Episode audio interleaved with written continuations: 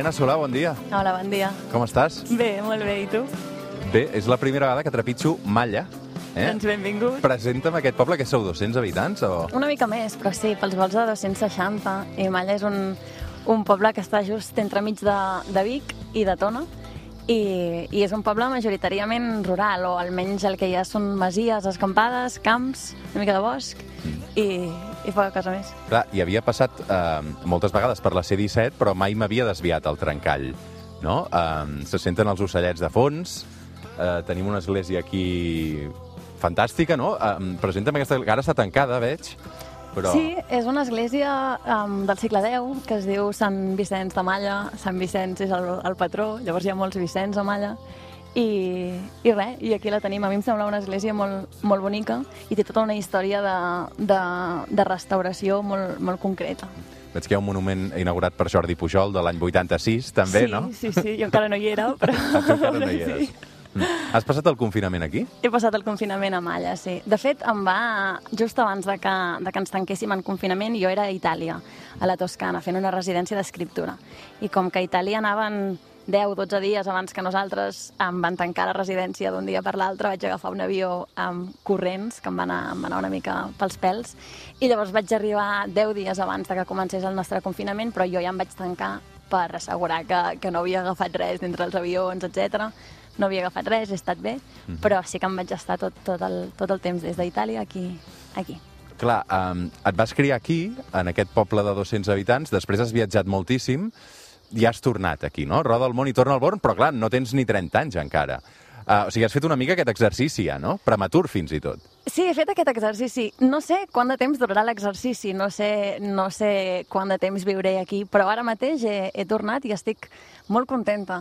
M'hagués sorprès, eh? Amb, amb 18 anys jo tenia moltes ganes de, de veure món, moltes ganes de marxar. Jo tenia molt la sensació que les històries de veritat, que les històries interessants passaven en, en ciutats molt grans, que jo havia d'anar a Barcelona i després a Londres i a Nova York, i vaig fer una mica aquest, aquest procés. Vaig ir a Barcelona, i llavors me'n vaig anar amb temps a Islàndia, i llavors me'n vaig anar a Anglaterra, i, i en tot aquest procés em vaig adonar que, que sí que hi havia històries molt interessants en aquestes ciutats, però que les històries del, del lloc una mica d'on jo venia, o que girant la mirada, mirada enrere, hi havia, hi havia històries que també, que també volia explicar. I ara amb aquest confinament um, la gent ha reivindicat viure al poble, no? I no ser a Barcelona, per exemple. Clar, devia ser avorrit potser en, en un moment de la teva adolescència uh, ser aquí, però ara que estàvem tancats a casa suposo que era molt diferent la història, no?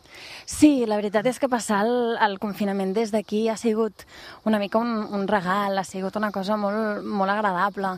Malla també és un poble que, que sí que té aquest punt rural, però no deixa d'estar molt a prop de Vic, que és una ciutat molt potent, i encara no a 50 minuts de, de Barcelona. Llavors a mi m'agrada no? aquest poder decidir o aquest tenir un peu a, a cada banda. Mm -hmm. Diuen que a Osona um, hi ha cinc porcs per cada persona. Uh, fa olor, uh, es nota. Uh, és veritat això o no? Jo no la sento l'olor, si et dic la veritat. Estàs acostumada Estic ja. bastant acostumada. De fet, el, el meu pare és pagès i el meu pare té, té, té porcs.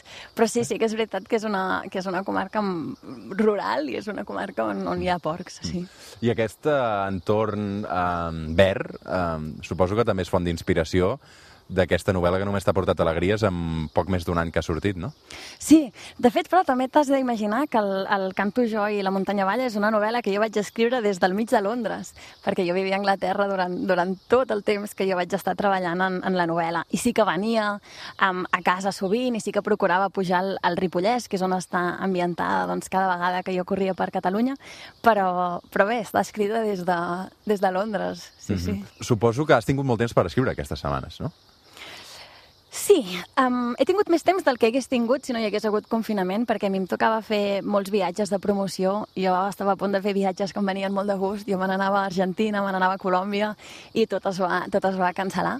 Llavors sí que és veritat que he tingut més temps del que hagués tingut, però també t'haig de dir que no, no cada dia o no sempre ha sigut um, fàcil treballar amb les circumstàncies amb les que estàvem vivint tots plegats. Vull dir que hi havia moments de preocupació, moments de, d'angoixa i d'incertesa que m'imagino que hem viscut la majoria de nosaltres i que no, bé, que no són el millor context en el que està, en el que està treballant. O sigui, el, el somni d'un escriptor o d'una escriptora no és viure un confinament per obligació um, en què tens la possibilitat d'escriure durant moltes hores.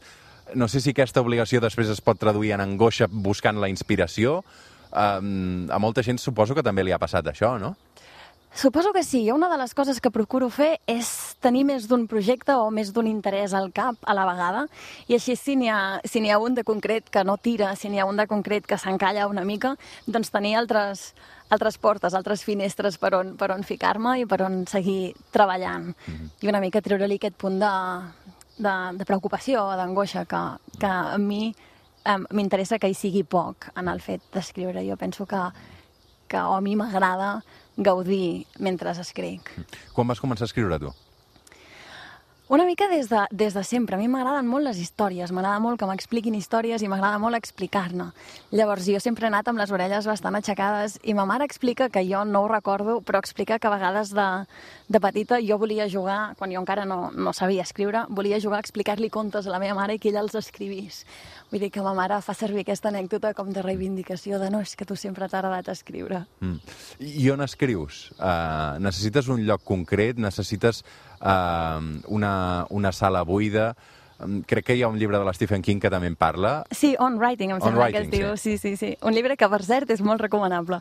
Um, jo escric una mica tot arreu. Sí que és veritat que, que si tens una petita habitació per tu o una habitació relativament agradable, relativament silenciosa, doncs la, la feina pot doncs, pot anar millor o pot sortir més fluidament, però jo he escrit a tot arreu. Jo, quan vivia a Londres i tenia una hora d'autobús per arribar a la feina, doncs escrivia a l'autobús. I si estic esperant-me un dia no sé on i donant voltes, doncs puc escriure quatre notes on una llibreta o puc escriure quatre notes on, on sigui. Per tant, a mi m'agrada molt eh, que, el, que el fet d'escriure o que les idees invadeixin i formin part una mica de la vida, de tota l'estona, del dia a dia. El, el Canto i jo i la muntanya, uh, i la muntanya balla dius que ara te'l traduiran a moltes llengües, que tens viatges de promoció... És a dir, és un llibre que continua circulant, eh, es continua venent i, i té noves vides, però clar, suposo que eh, els teus editors et deuen dir porta'm alguna cosa nova, no? Jo tinc unes editores fantàstiques que no, que no m'ho han dit, això. Al revés, m'han dit... No, no... El teu lector, si més no, segur que ho vol. El lector sí, i, i, i els periodistes també m'ho pregunten molt, però, però jo procuro donar-me temps i no posar-me i no posar pressa. Jo estic treballant, estic treballant tant com puc. A mi m'agrada molt escriure, per tant, estic allà, allà enfotent-li canya cada dia, però, però no tinc una data, no tinc una data límit i ningú me l'ha imposada, mm. cosa que és molt d'agrair. I fa por, això de la següent novel·la o la següent, la següent publicació, quan has tingut un èxit tan gran a la primera? Perquè a vegades eh, hi ha escriptors, o hi ha grups de música, sobretot també, que treuen un gran primer disc, arriben al número de vendes i després el segon disc no està a l'altura de les expectatives. Uh, això t'angoixa? Jo procuro que no, que no m'angoixi i que no em faci por. Una de les coses que jo, que jo faig és quan, just quan acabo una novel·la, no m'espero a fer tot el procés d'edició d'aquesta novel·la o tot el procés de, no, de tenir-la impresa i de tenir-la a la llibreria i d'estar-la promocionant per començar-ne una, per començar una altra. Jo quan acabo una novel·la, doncs potser em dono unes setmanes o el que sigui, però em poso a pensar, em poso a treballar en un proper projecte, perquè a mi és el tros que m'agrada més, el tros de les espurnes, de les idees, d'estar no, d'estar fent amb un projecte. Llavors jo quan vaig acabar el, el, el Canto Jo, quan el vaig tancar, me'n vaig anar als Estats Units a fer una residència ciència literària. I clar, em vaig posar a pensar en el que seria la propera novel·la. Llavors, hi vaig estar treballant i treballant molt molt abans de que el Canto Jo fos un llibre físic o de que el Canto Jo estigués a les, a les llibreries i això em va, em va anar molt bé i és una cosa que vaig fer també entre mig dels Dics, que és la primera novel·la, i, i el Canto Jo, que és la segona, de començar a treballar i donar molta importància al, al, al procés i al que jo vull estar explorant més enllà de, de la vida que tingui el llibre un cop, un cop publicat. I és una manera de donar-me llibertat que, llibertat no, de, de moviment i de creació que, que m'interessa. Mm. Som al Suplement, som a Catalunya Ràdio, som a Malla, a la comarca de l'Osona, i estem xerrant amb la Irene Solà.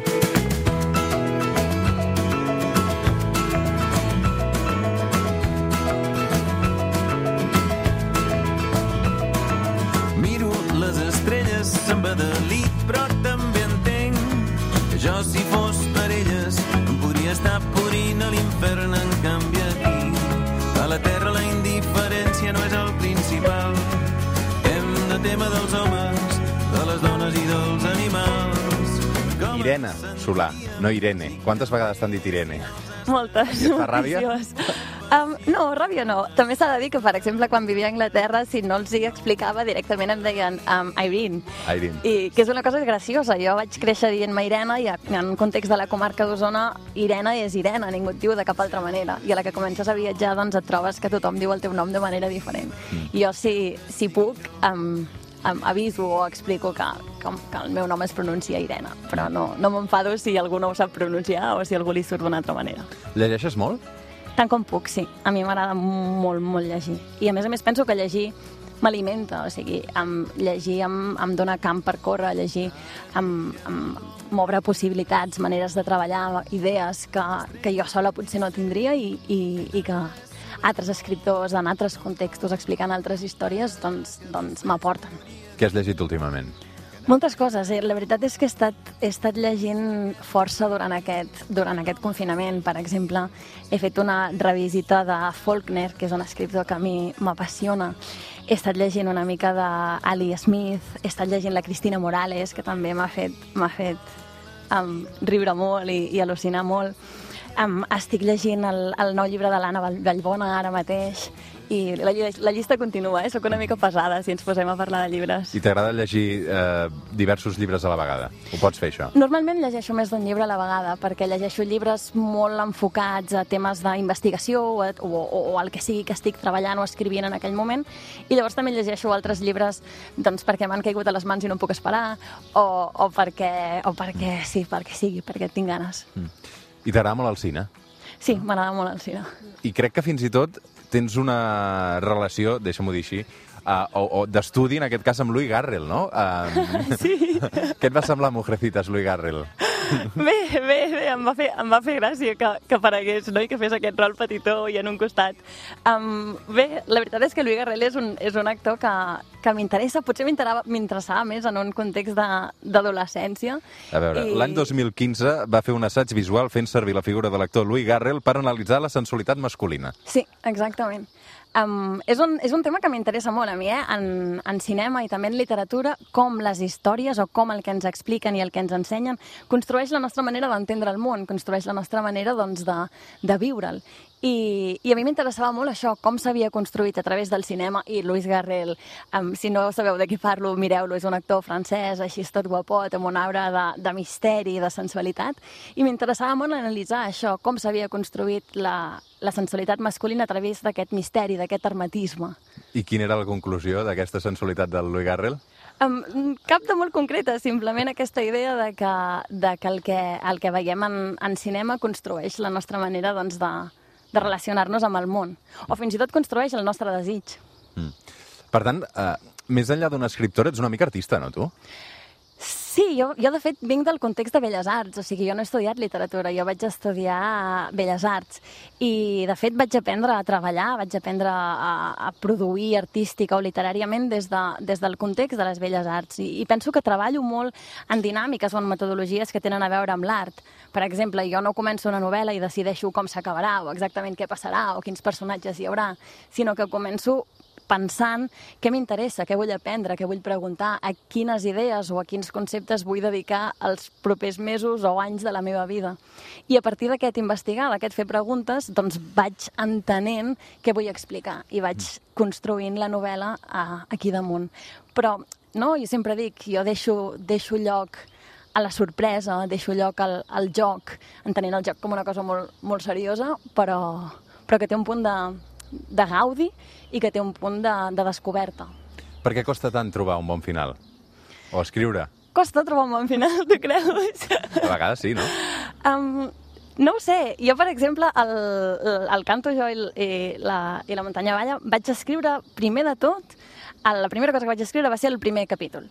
I a partir d'aquí no vaig escriure absolutament res més per ordre i, de fet, el, a la meitat del procés d'escriptura de la novel·la, al final ja l'havia escrit. -huh. Mhm. I, I llavors el vaig anar retocant, el vaig anar movent, però una mica, una mica orgànicament vaig anar escrivint-ho tot amb, a la vegada gairebé, o tots els capítols havien de, de picar-se l'ullet entre ells i, per tant, mm. dins del meu cap i dins del document que jo estava treballant, estaven creixent una mica a la vegada. Mentre caminaven la boira d'hivern de bon matí als camps d'ordi vaig sentir dur una dona al lament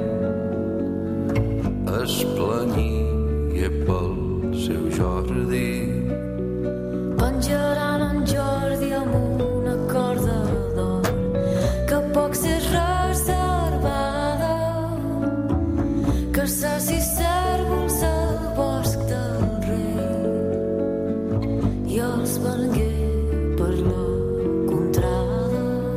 Et ve de gust celebrar un Sant Jordi un 23 de juliol? Tinc ganes de celebrar, de celebrar un Sant Jordi, sí. Em vaig quedar una mica com tots amb, amb les ganes d'acabar-lo de celebrar aquest any. El vaig fer des de confinada, des d'aquí, um, i va ser bonic, um, però també va ser estrany. No deixaves d'estar al, al menjador de casa teva, et pujava l'adrenalina perquè estaves doncs, mantenint converses amb altres escriptors o estaves fent clubs de lectura i de cop tancaves la, la pantalla de l'ordinador i tornaves a estar al, al menjador de casa teva. Llavors, sí que tinc ganes de que, de que ho celebrem i, i a veure, a veure, a veure com va. Però, però les ganes hi són. T'agrada la festa? O sigui, creus que és una bona manera de, com a catalans, um, celebrar d'alguna manera eh, l'amor i demostrar-lo? Tu ets de regalar llibres i roses per Sant Jordi? A mi m'agrada molt Sant Jordi. Jo he hagut de passar uns quants Sant Jordis fora de, de Catalunya, a Anglaterra i a, i a Islàndia, i sempre el dia de Sant Jordi he convençut algun amic o amiga o altre d'anar en una llibreria i regalar-nos llibres, i la gent sempre et diu, ostres, m'encanta aquesta festa, no? És brutal aquesta festa, l'hauria de celebrar tothom. Per tant, a mi m'agrada molt la festa. I mm, amb els anys ha, ha canviat molt per mi. Jo fa, doncs fa 10 anys celebrava la festa comprant una rosa i comprant uns quants llibres i potser anant-me a banyar al mar i corrent, corrent per Barcelona amb, amb els amics o per Vic quan encara vivia a Vic i ara la, la festa és un, molt intensa des d'una altra perspectiva per mi. Jo vaig d'una parada a l'altra i jo no paro de, no, de, de parlar amb gent, de firmar llibres, de fer, de fer coses amb, i de viure-ho diferent, però és, és molt bonic. Mm -hmm. Final és la nostra festa de l'amor, no? És el nostre Sant Valentí eh, barrejat amb, o, o, o amb literatura que... És que és ideal, no? És Això, el, el... sí. Tu ets enamoradissa? Jo m'enamoro intensament, però no, no m'enamoro tota l'estona. No t'enamores tota l'estona? Vull dir, sí, sí, no... no... Què vol dir que no t'enamores tota l'estona? Um, que no m'enamoro de, de, de qualsevol, que quan m'enamoro, m'enamoro molt intensament, però no, no m'enamoro cada setmana, ni molt menys. Mm -hmm. I, I tu creus que l'amor és per sempre? No ho sé, clar, que per exemple l'amor és un, un, un- concepte que el que m'acosto molt literàriament. Una mica em passa com la mort. Quan em fan preguntes molt serioses sobre la mort, de tu creus en el després de la mort, sempre els dic, ostres, és que jo no penso tant en la mort o en el després de la mort um, des d'una perspectiva del, no, de, de la meva vida o del meu dia a dia, sinó des d'una perspectiva literària. Per tant, a mi m'interessa molt explorar el després de la mort o m'interessa molt explicar l'amor. Mm. Um, llavors, jo penso que, que l'amor pot durar per sempre, sí, en alguns contextos i en algunes relacions i per algunes persones, i a la vegada no, per alguns altres contextos o per algunes altres persones. De fet, el Canto jo i la muntanya balla comença amb la mort del, del Domènec, no? Um, I al cap d'uns quants capítols hi ha la seva dona uh, precisament mm, intentant sobreposar-se també a aquest amor que ha perdut per la mort, no? Sí, sí, totalment. Vull dir que I hi ha aquesta connexió indestriable. Sí, i a més a més una cosa que fa la novel·la o que fa, que fa el Canto Jo és donar voltes a aquests conceptes però també relativitzar-los molt, um, jugar a, a, a mirar-se'ls des d'una perspectiva humana i des d'una perspectiva humana tant l'amor com la mort són molt grossos, són molt definitius, són molt transcendentals, però si te'ls mires des d'altres perspectives doncs són més, són més relatius, no? El, el Domènec que es mor atravessat per un llamp a dalt d'aquesta muntanya i dos minuts després de que ell s'hagi mort, tot continua igual. Les herbes i les flors creixen, els cabirols mengen i els núvols se'n van. I tu que, que fas parlar la natura, què creus que hi ha després? Jo, com et deia, crec en, en moltes coses, però des d'una perspectiva molt no, molt de, de l'imaginació, molt del, del, del fer servir el, aquest fabular, aquest imaginar per construir, per construir possibilitats i per construir històries. Jo he fet parlar la natura concretament en aquesta novel·la. Jo no crec que faci parlar la natura o que em posi en la perspectiva d'un gos en totes les novel·les que escrigui, ni molt menys. Però, però a mi m'ha servit um, aquesta novel·la concreta per, per poder-me mirar el món des de molts llocs, des de molts punts de vista i per tant entendre'l com, un, com una cosa que té moltes capes, moltes possibilitats i que la perspectiva humana que en tenim no és l'única ni molt menys i que el, el, no, el nostre pas per aquí no és, no és ni l'únic, ni l'últim, ni el primer. De dos somnis n'hem fet un i encara costa de creure ni una casa a prop del mar ni una vida a les muntanyes de dos somnis un infant somnis els més grans i després els nostres somnis On guardes els premis? Perquè en tens molts, no? En un armari. No, home, en un armari no m'ho diguis, això, al lavabo, no? Com a mínim una estanteria o... En un armari, tancats. Um, sí, en, un, bueno, en, un, en una estanteria, en un armari, però tancadets. Sí, no els tinc tots exposats per casa, no. No vols fer ostentació. No. Que quan et venen a veure diguis, Que quan- exacte. aquest és el meu llegat. Eh? No, no, L'últim és aquest Premi de Literatura de la Unió Europea, crec. Sí, sí, sí. Sona sí. molt gran, també, això, no? Sona molt gran, sí, però, però bueno, és, és, bueno, jo, és un premi que a mi m'ha fet, fet molt feliç, la veritat, que va ser una sorpresa absoluta rebre una trucada des de, des de Bèlgica i que em donguessin aquesta bona notícia i, i ha sigut això, una alegria i un, i un honor, sí. Som a Malla, has viscut a Islàndia, has viscut a Londres, has viscut a Vic, a Barcelona...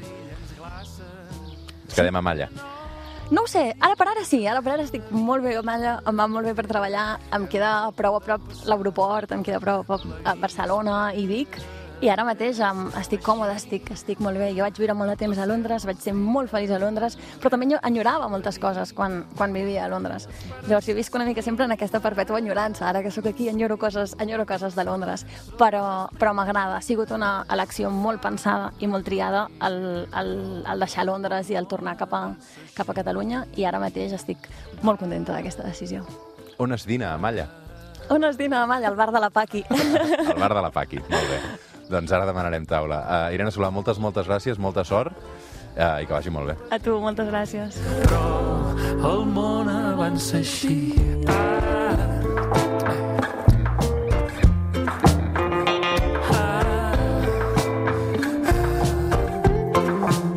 Els caps de setmana escoltes El Suplement. Ràdio amb esperit de cap de setmana. Amb Roger Escapa.